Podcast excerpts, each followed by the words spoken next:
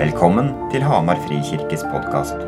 Vår visjon er å følge Jesus, dele evangeliet, samle generasjonene og bygge nye fellesskap. Les mer om oss på hamarfrikirke.no. Her er talen fra søndagens gudstjeneste. Hellige Ånd, vi åpner våre hjerter og våre tanker for deg og det du har lyst til å si oss. Hjelp oss å være ærlige. Hjelp oss å slippe maska. Hjelp oss å være ærlige med oss sjøl og ærlige med deg. Der vi er i livet akkurat nå, på godt og vondt. Og så ber vi Gud om at vi, tankene våre, hodet vårt, hjertet vårt, vi, hele vi, skal få være god jord. Slik at det du har lyst til å så i oss og plante i oss, det skal få spire fram og bli til liv. Amen. Vi er i kirkeåret. Eh, som mennesker så bygger vi livet vårt rundt rytmer. Enten vi vil eller ei, så bygger vi livet vårt på rytmer. Og For noen av oss så er de rytmene veldig bevisste. For andre så er de ikke så bevisste. Um, det kan være daglige rytmer. Eksempel, jeg står opp stort sett hver dag til samme tidspunkt, og jeg gjør det samme hver morgen. Da har jeg en halvannen time, to timer alene før Trine våkner. Eh, jeg leser Bibel, jeg ber litt, jeg fyrer, jeg setter på kaffe, jeg går ut og steller dyra. Jeg gjør en greie, og så spiser jeg til faste tidspunkt. Jeg legger meg stort sett til faste tidspunkt. Rytmer. Noe bevisst, noe bevisst. På årsbasis så har vi også sånne rytmer som vi bevisst og ubevisst bygger livet vårt rundt. Når er sommerferien? Ikke sant? De aller fleste i Norge bygger livet sitt rundt sommerferien. Kanskje det er Premier League, oppstarten i Premier League, eller når fotballen til barna starter. Eh, du har 17. mai, høstferie, vinterferie. Noen store rytmer som går igjen hvert år, som påvirker livet vårt, enten vi vil eller ei. Og for de fleste av oss eh, så bygger vi livet rundt de rytmene. Ikke sant? Vi planlegger året ut fra når vi skal ha ferie. Er jo, og hvis vi ikke gjør det, så ville jeg sagt at man er unntaket. Ikke sant? Eh, så vi, noen gang, altså, Rytmer og kalenderåret har noe å si. Og så er vi heldige eh, som lever i et land hvor kirkens rytmer fortsatt er en del av samfunnets rytmer. Vi får lov til å ta fri når det er jul, når det er påske, og når det er pinse. Eh, det er en gave for oss i et sekulært samfunn at vi fortsatt får bruke de kristne rytmer inn i den store rytmen av året. Din og min årlige kalender forteller vår historie. Har du tenkt over det? Og hvordan din kalender ser ut, forteller din historie i løpet av et år. Og din kalender sier veldig mye om hva som er viktig for deg. Hva er det som merker seg ut? Når er den fotballkampen? Når er Premier League-oppstart? Når begynner HamKam å spille? Når eh, må vi være til stede på stadion? Når begynner vekstsesongen? Nå er det, eh, nå er det høyånda, så nå må vi ta inn høyet. Nå er det slåttånda, nå må vi ta inn kornet. Vi har ulike rytmer på ulike måter som vi forholder oss til, som forteller vår historie, og som sier hva som er viktig for oss. Hvis du leser Mosebøkene i Gamle Testamentet, og spesielt tredje Mosebok, så kan du se hvordan Gud instruerte israelsfolket til å bygge året sitt, livet sitt, rundt sju årlige rytmer, høytider. Disse festene skal dere bygge livet deres rundt. Og tallet sju eh, henger jo sammen med helhetstallet, og sabbaten var i kjernen av det hele. vi har ikke snakka så mye om sabbat her ennå. Det skal vi gjøre masse senere. Eh, tro meg, vi skal snakke om sabbat. Men sabbaten var liksom limet, den røde tråden, i hvordan Israel skulle bygge sitt årshjul, sin kalender, sin rytme. Og disse høytidene var ment å hjelpe israelsfolket å bygge sin historie i tilknytning til Guds historie. På disse festene så var det eh, bønn, det var lesning av Guds ord, det var fellesskap. Du gjorde det aldri alene. Du gjorde det minst sammen med familien, og gjerne sammen med flere. Det var ikke dårlig stemning. Det var fest, feiring, god stemning sju ganger i året for å minnes, for å be, for å feire hvem Gud er, og hva Gud hadde gjort. Slik at han kan forme deg og oss. Festenes visjon var å forme mennesket. Fordi Gud vet at menneskets rytmer former mennesket. Enten vi vil eller ei. Og derfor har vi satt av tida nå fram til påske for å snakke om kirkeåret. Fordi vi tror vi trenger å gjenoppdage kirkens rytmer og lære hvordan de former oss. Og så kan vi begynne å spørre hvilke rytmer er det jeg egentlig bygger livet mitt rundt? Er det de rytmene Gud vil at vi skal ha? Eller teller fellesferien, høstferien og Premier League-oppstarten mere i årsrytmen? Og her er det veldig varierende svar, da. Men det ligger en invitasjon og en utfordring i Gammeltestamentet til rytmer. Og derfor snakker vi om kirkeårets rytmer. Vi tror vi trenger å lære å forme årshjulet vårt rundt noen rytmer. Både som menighet, som familie og som individer. Og nå er vi i advent, som er tiden på året for forventning. For å vente på ankomsten. Han som skal komme. Han som kom, og som en gang skal komme igjen. Og teksten i dag kommer veldig tydelig inn på det sporet. Den derre gjenkomsten. Det som skal skje en gang der framme. Eh, og søndagens tekst i kirkeåret um, Jeg ble veldig fornøyd når jeg så den teksten, fordi jeg har hatt lyst til å preke over den teksten lenge. Uh, og det er en tekst som liksom er, litt rart at den kommer inn i liksom forberedelsen til jul. Det har ingenting med barn å gjøre, tilsynelatende. Men det er en tekst som sier veldig mye om det at Jesus en gang skal komme igjen. Så i dag så skal jeg ta på meg lærerhatten så det synger. Og dere skal få være med og nerde skikkelig. Og jeg, jeg ber om 20 minutters god konsentrasjon nå. For vi skal inn på noen ord og begreper og, og ting som er, er vanskelig. Uh, og um, jeg, for at vi skal liksom henge med 20 minutter nå uh, Det er lov å tenke skole, for i dag er jeg lærer. Uh, og så skal jeg forkynne og være litt mer kanskje inspirator etter hvert. Vi er i Johannes 14. I den teksten her så er det en veldig konkret eh, bakgrunn. Jesus han har ridd inn i Jerusalem for å feire påske, som eh, Anders snakka om forrige søndag. Han kom inn som en konge, men en veldig tydelig annerledes konge. Disiplene og Jesus har spist påskemåltidet. Og i Johannes kapittel 13, 14, 15, 16 og 17 så er du i avslutningen av påskemåltidet. Jesus ber, Jesus underviser, Jesus veileder disiplene dette er det siste Jesus sier etter at han har spist påskemåltidet, før han korsfestes. Mange kapitler. Det er viktig i Johannes sine øyne å fortelle dette. Og midt i det, i kapittel 14, er dagens tekst. Men det som skjer i kapittel 13, gir et viktig bakteppe.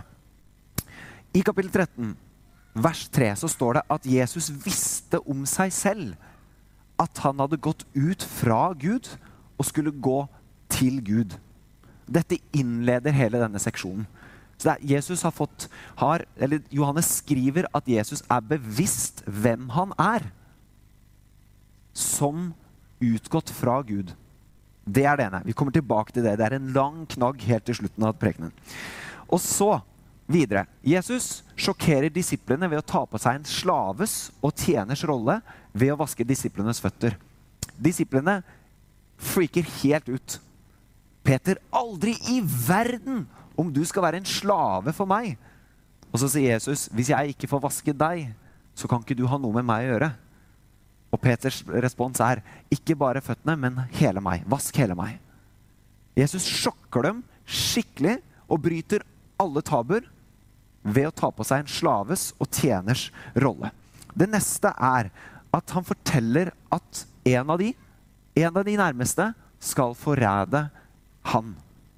Og ikke bare det, stå, ikke bare det. det står eh, i vers 21 kapittel 13 Jesus ble rystet i sitt innerste og sa rett ut Sannelig, sannelig, jeg sier dere, en av dere skal forræde meg. Forråde meg. Bam! Sjokk. Igjen. Vær så god, en av dere skal forræde meg. Dere, jeg vil ikke si hvem, men en av dere skal gjøre det. Og så rett etter det så sier han at når han nå forrædes, så blir han herliggjort for ære. Det, kontrasten er jo så stor. For han skal forrædes, og så sier han 'det gir meg ære'. Det gir jo ikke noe mening i disiplenes øyne, så de er jo superforvirra. Og så kommer jo selvfølgelig Peter. At han, fordi han, Jesus sier da at nå jeg skal være sammen med dere en liten stund til, så forsvinner jeg. Og så kommer Peter med en typisk Peter-respons, og vi leser sammen fra kapittel 13, vers 36, til kapittel 14, vers 4. Simon Peter sier til ham, 'Herre, hvor går du hen?'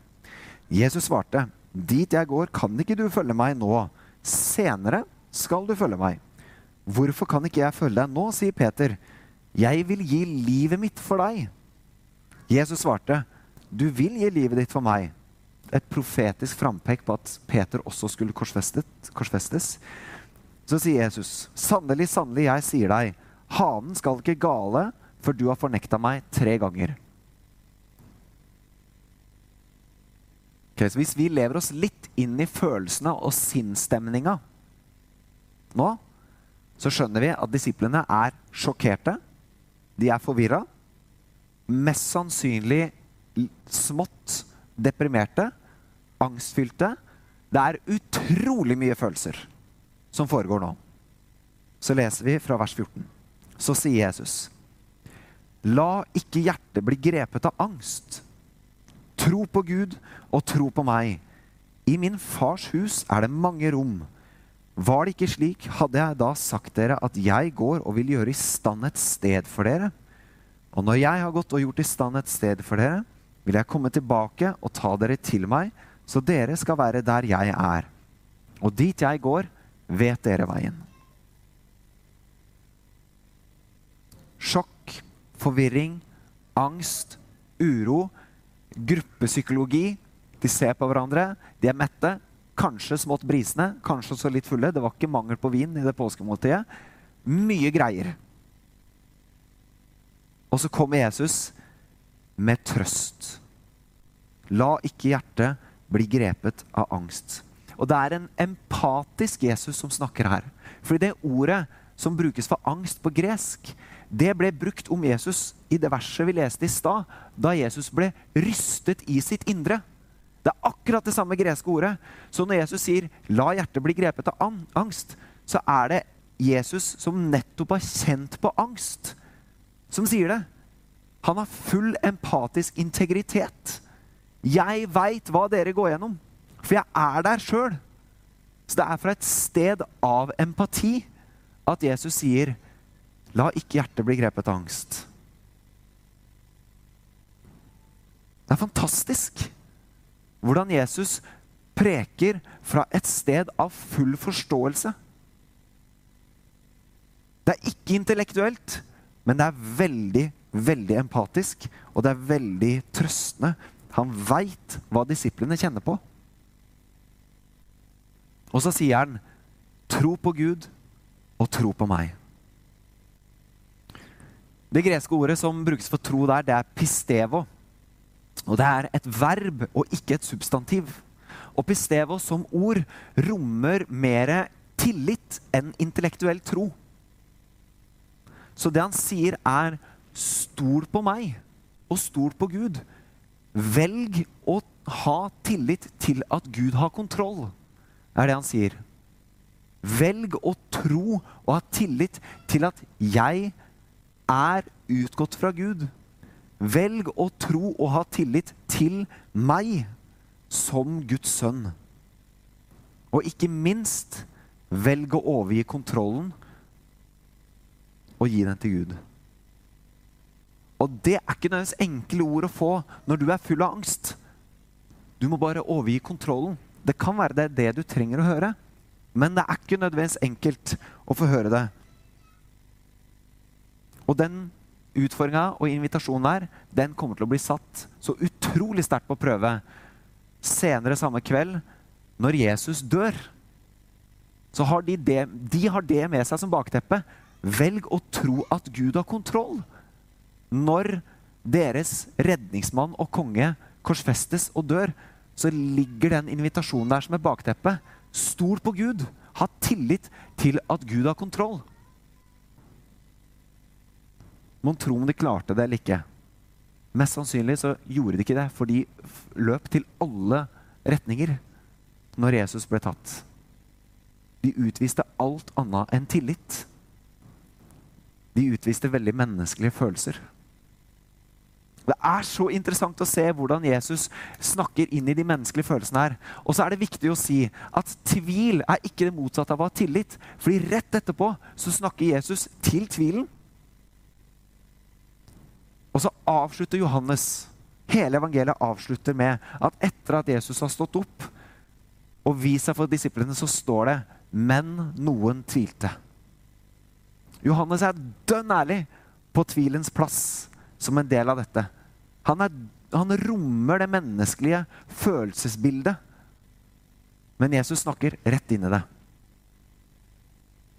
Det er veldig fascinerende hvordan en tekst som tilsynelatende er så intellektuell, er dypt empatisk og rommer dypt hele det menneskelige.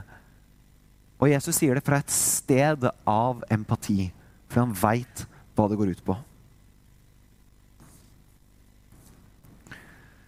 Og så kommer vi i vers 2 og 3 til en av de merkeligste og i mine øyne mest misforståtte tekstene i hele Det nye testamentet. Når Jesus sier, 'I min fars hus er det mange rom', var det ikke slik, hadde jeg da sagt til dere at jeg går og vil gjøre i stand et sted for dere? Og det er nå det er nå vi skal nerde skikkelig. Fordi når vi leser denne teksten, så må vi ta på oss den jødiske hatten og prøve å forstå dette fra et jødisk filosofisk verdensbilde.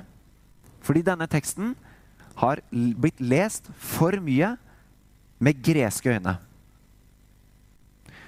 Og Jeg skal forklare forskjellen på de to tingene. Men jeg bare sier det at vi må ta på oss hatten av Johannes som jøde som skriver dette. Og vi skal ta av oss Aristoteles, Platon, Sokrates og si nå får dere vente, fordi vi skal lese dette slik Johannes mente at det skulle leses. Dette er en tekst som vi kaller for en eskatologisk tekst. Kan dere si det? Eskatologi? Eskatologi. Det er læren om endetiden. Men læren om endetiden handler ikke om hva som skjer etter vi dør, i jødisk forståelse. Læren om endetiden rommer nåtid og fremtid. Men gresk endetidslære handler kun om hvor du kommer når du dør. Det handler om hvor går sjelen min? Kommer den til himmelen? Der gudene er. Det er gresk filosofi, mens jødisk endetidslære rommer nåtid og fremtid. Og den snakker ikke om sjelen din, men snakker om hele deg. Okay? Også kroppen din. Viktig. I min fars hus. Fars hus, da, det greske ordet der, det snakkes om en villa. Du kan tenke de britiske aristokratenes svære eh, slott og herskapsvillaer. Den størrelsen skal vi tenke. Stort, uendelig stort, uendelig mange rom. Men og her kommer forskjellen på gresk og jødisk filosofi. Grekere ville tenkt i min fars hus. Da ville de tenkt et sted der Gud er. Mens jødisk filosofi ville tenkt ikke det stedet, men heller fellesskapet med Gud. Viktig distinksjon. Ikke sant? Fordi Og nå Nå blir det litt metafysisk, men jeg tror det går bra. I jødisk, eh, eller i gresk virkelighetsforståelse så ville man tenkt at her er verden som skapt. Den er skapt materielt, men det materielle det er ikke så positivt. Det er det åndelige som er positivt. Sjelen din, ditt indre. Kroppen din, litt negativ, eh, men sjelen din det er det viktigste. Det er den fysiske verden. Gudenes verden, som er her borte, det er det som er ekte, det som er godt, det som er sant. Og det er dit sjelen din kommer når du dør. Det er gresk filosofi. Sånn tenker veldig mange av oss om kristen teologi. Men det er feil.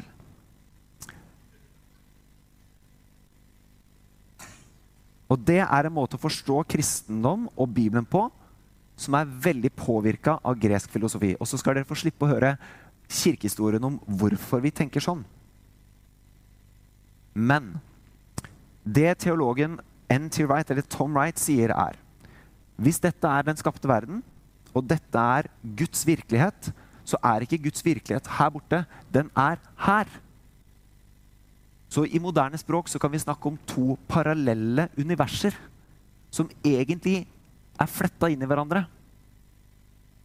Så når det snakkes om Guds rike, så snakkes det om der Gud er, der Gud er konge, der Guds nærvær er.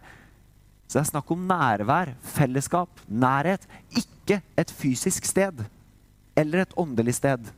Det er snakk om hele Guds vesen, Guds rike. Og disse to virkelighetene ligger helt inntil hverandre. Vi sang i stad 'Tenn lys'. Må jord og himmel møtes? Det er den visjonen. Jord og himmel som kommer sammen. Og Det er det du ser i Edens hage, det er det du ser i templene i Gammeltestamentet. Det er det som snakkes om oss, at vi er Den hellige ånds tempel. Og det er det det snakkes om i Johannes' åpenbaring, når Jerusalem, Guds by, kommer fra himmelen ned til jorden. Himmel og jord møtes, to parallelle universer som blir ett. Det er den jødiske virkelighetsforståelsen. Dette er det Johannes har med i hodet når han skriver. Ok. Men dette er viktig. Dette er, nå har jeg virkelig på meg lærerhatten. Dette er svært viktig at vi har en liten forståelse av. Ok. Når det da snakkes om rom i min fars hus, er det mange rom, så brukes det et gresk ord som eh, det, det, greske ordet er monai. Og det betyr gjesterom, gjesteværelse eller hybel. Så det er snakk om noe midlertidig. Det er snakk om der. Ikke en permanent bolig. Og det gir mening når Bibelen snakker om at det er jo ikke der Gud er, vi skal være i all evighet. For vi skal jo stå opp igjen, vi. Så det midlertidige, det er der Gud er, hvor vi kommer og venter sammen med Gud til oppstandelsen fra de døde. Ok? Og det gir mening, fordi monai, det greske ordet, er i slekt med det greske ordet menein, som oversettes 'bli i meg'. Så når Jesus sier i Johannes 15 'bli i meg', så jeg kan bli dere, så er det det ordet han bruker. Så gjesterommet beskriver ikke et fysisk rom. Det beskriver fellesskap. Et midlertidig fellesskap med Jesus til oppstandelsen fra de døde. Så det det snakkes om i min fars hus er det mange rom, så snakkes det om der Gud er, der fellesskapet med Gud er, der skal vi komme en gang og vente sammen med Jesus til vi står opp fra de døde. Det er et midlertidig venteværelse som rommer fellesskap framfor noe annet. I, eh, Jesus sier videre det å gå og gjøre i stand Det å gå og gjøre i stand, det Jesus snakker om da, er at han peker på sin egen korsfestelse og oppstandelse. At Jesus forbereder og har gjort i stand så vi kan ha fellesskap med han. Han forbereder fellesskapet mellom seg og de som tror. Og for at han skulle forberede det fellesskapet, så måtte han dø og stå opp igjen fra de døde. Å forberede er altså et bilde på hans egen død, oppstandelse og himmelfart. Ikke at han går og bygger et fysisk rom. Det er en forberedelse av fellesskap. Og når han da sier 'ta dere til meg', så sier han ikke 'nå skal jeg rykke dere opp fra himmelen', eller fra jorda, til himmelen. 'Ta dere til meg' er igjen et bilde på fellesskap. Hvis vi tolker teksten med Platon sine øyne, så ville vi tenkt Jesus skal fjerne oss fra dette skaperverket, som er negativt, og flytte oss til der han er, som er det ekte, det som er det beste. Men det er gresk filosofi. Det han snakker om, er fellesskap med seg. Jeg skal ta dere til meg. Det betyr jeg skal gi dere fellesskap. Og det gir god mening, fordi rett etterpå i denne teksten så snakker han om at han skal gi dere Den hellige ånd, så jeg kan være i dere. Ta dere til meg betyr jeg gir dere Den hellige ånd, så dere kan være i meg og jeg i dere. Han bruker et bildespråk som snakker om Den hellige ånd og fellesskapet med Gud.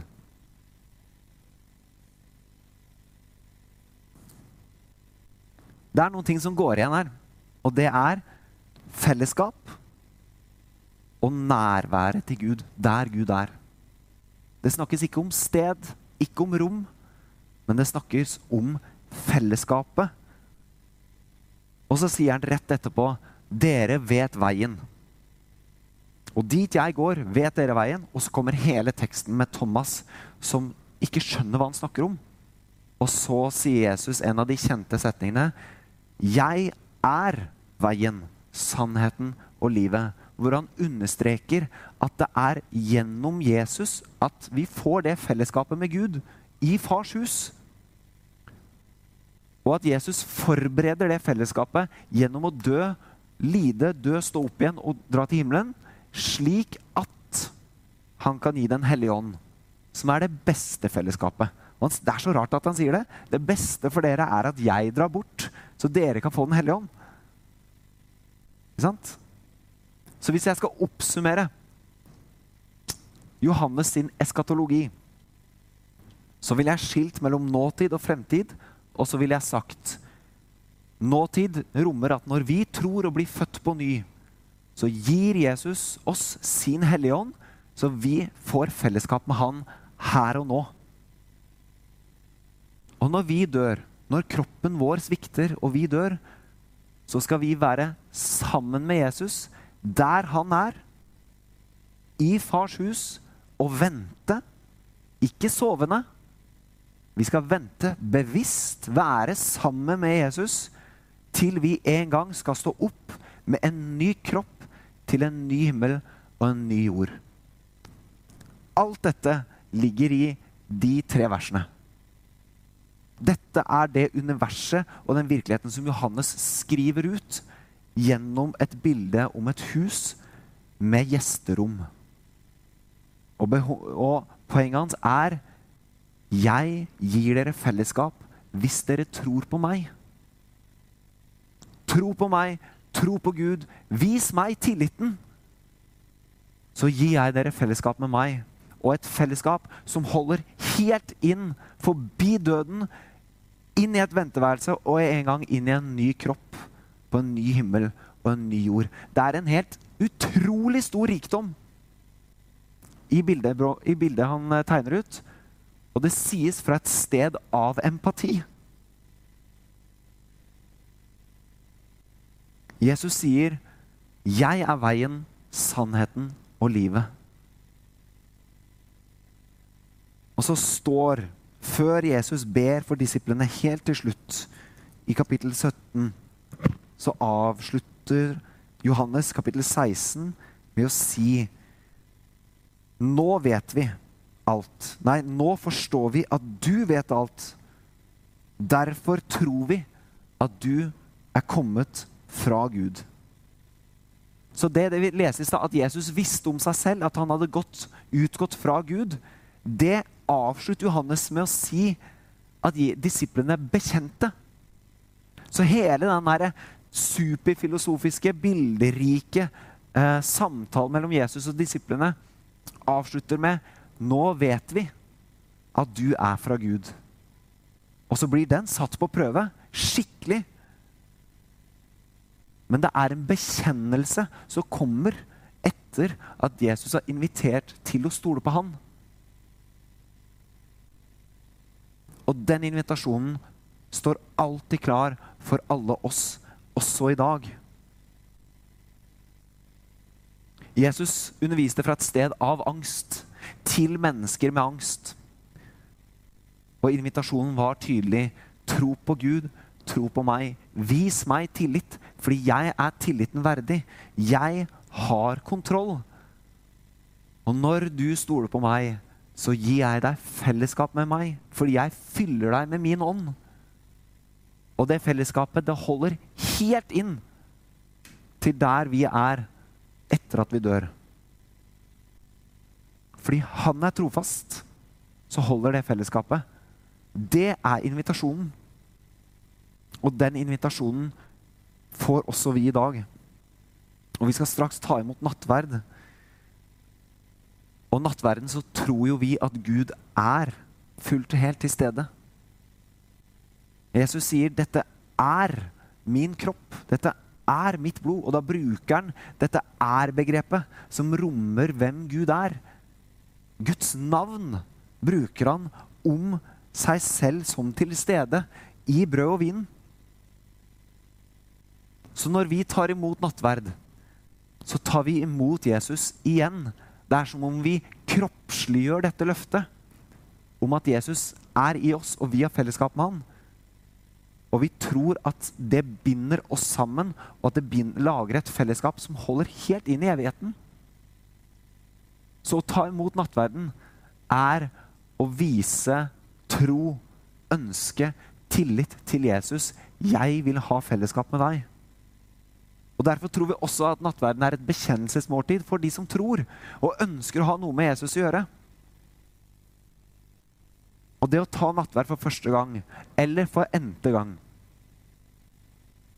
så kan det være et sted hvor vi bekjenner Jesus. Jeg tror. Og så har jeg lyst til å invitere både til nattverd og til forbønn etterpå hvis du kjenner på angst. Hvis du kjenner på uro.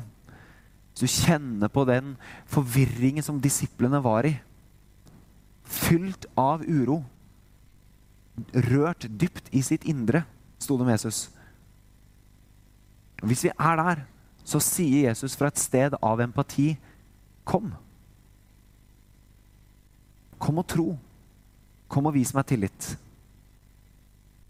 Hvis du trenger håp, så kan du gå til nattverd. Og hvis du ønsker å ta valget om å følge Jesus igjen, eller for første gang, så er nattverden et fabelaktig sted å starte.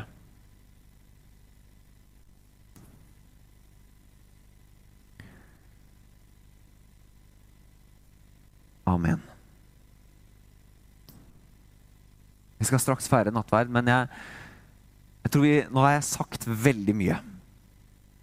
Uh, og jeg har sagt veldig mye som er kanskje intellektuelt og filosofisk krevende. Men det handler om liv og fellesskap. Det er det det handler om. Og nå vil jeg at vi skal være litt stille, og så inviterer vi Den hellige ånd. Slik at han kan peke på noe for deg som han vil at du skal legge merke til. Enten i det vi har sunget, i det jeg har sagt, eller noe annet. Så vi er litt stille, og så inviterer vi Den hellige ånd, og så ber vi synsbekjennelsen sammen etter det. Herre, vi tror, og vi ønsker å tro. Takk for at du har sendt Den hellige ånd, og vi ber Hellige ånd, kom. Kom og vis oss Jesus. Kom og vis oss hvem han er. Du vet hva vi trenger, du vet hvor vi er i livet. Du vet hvor vi er i følelsene våre i kroppen vår. Vi ber. Kom, Hellige Ånd.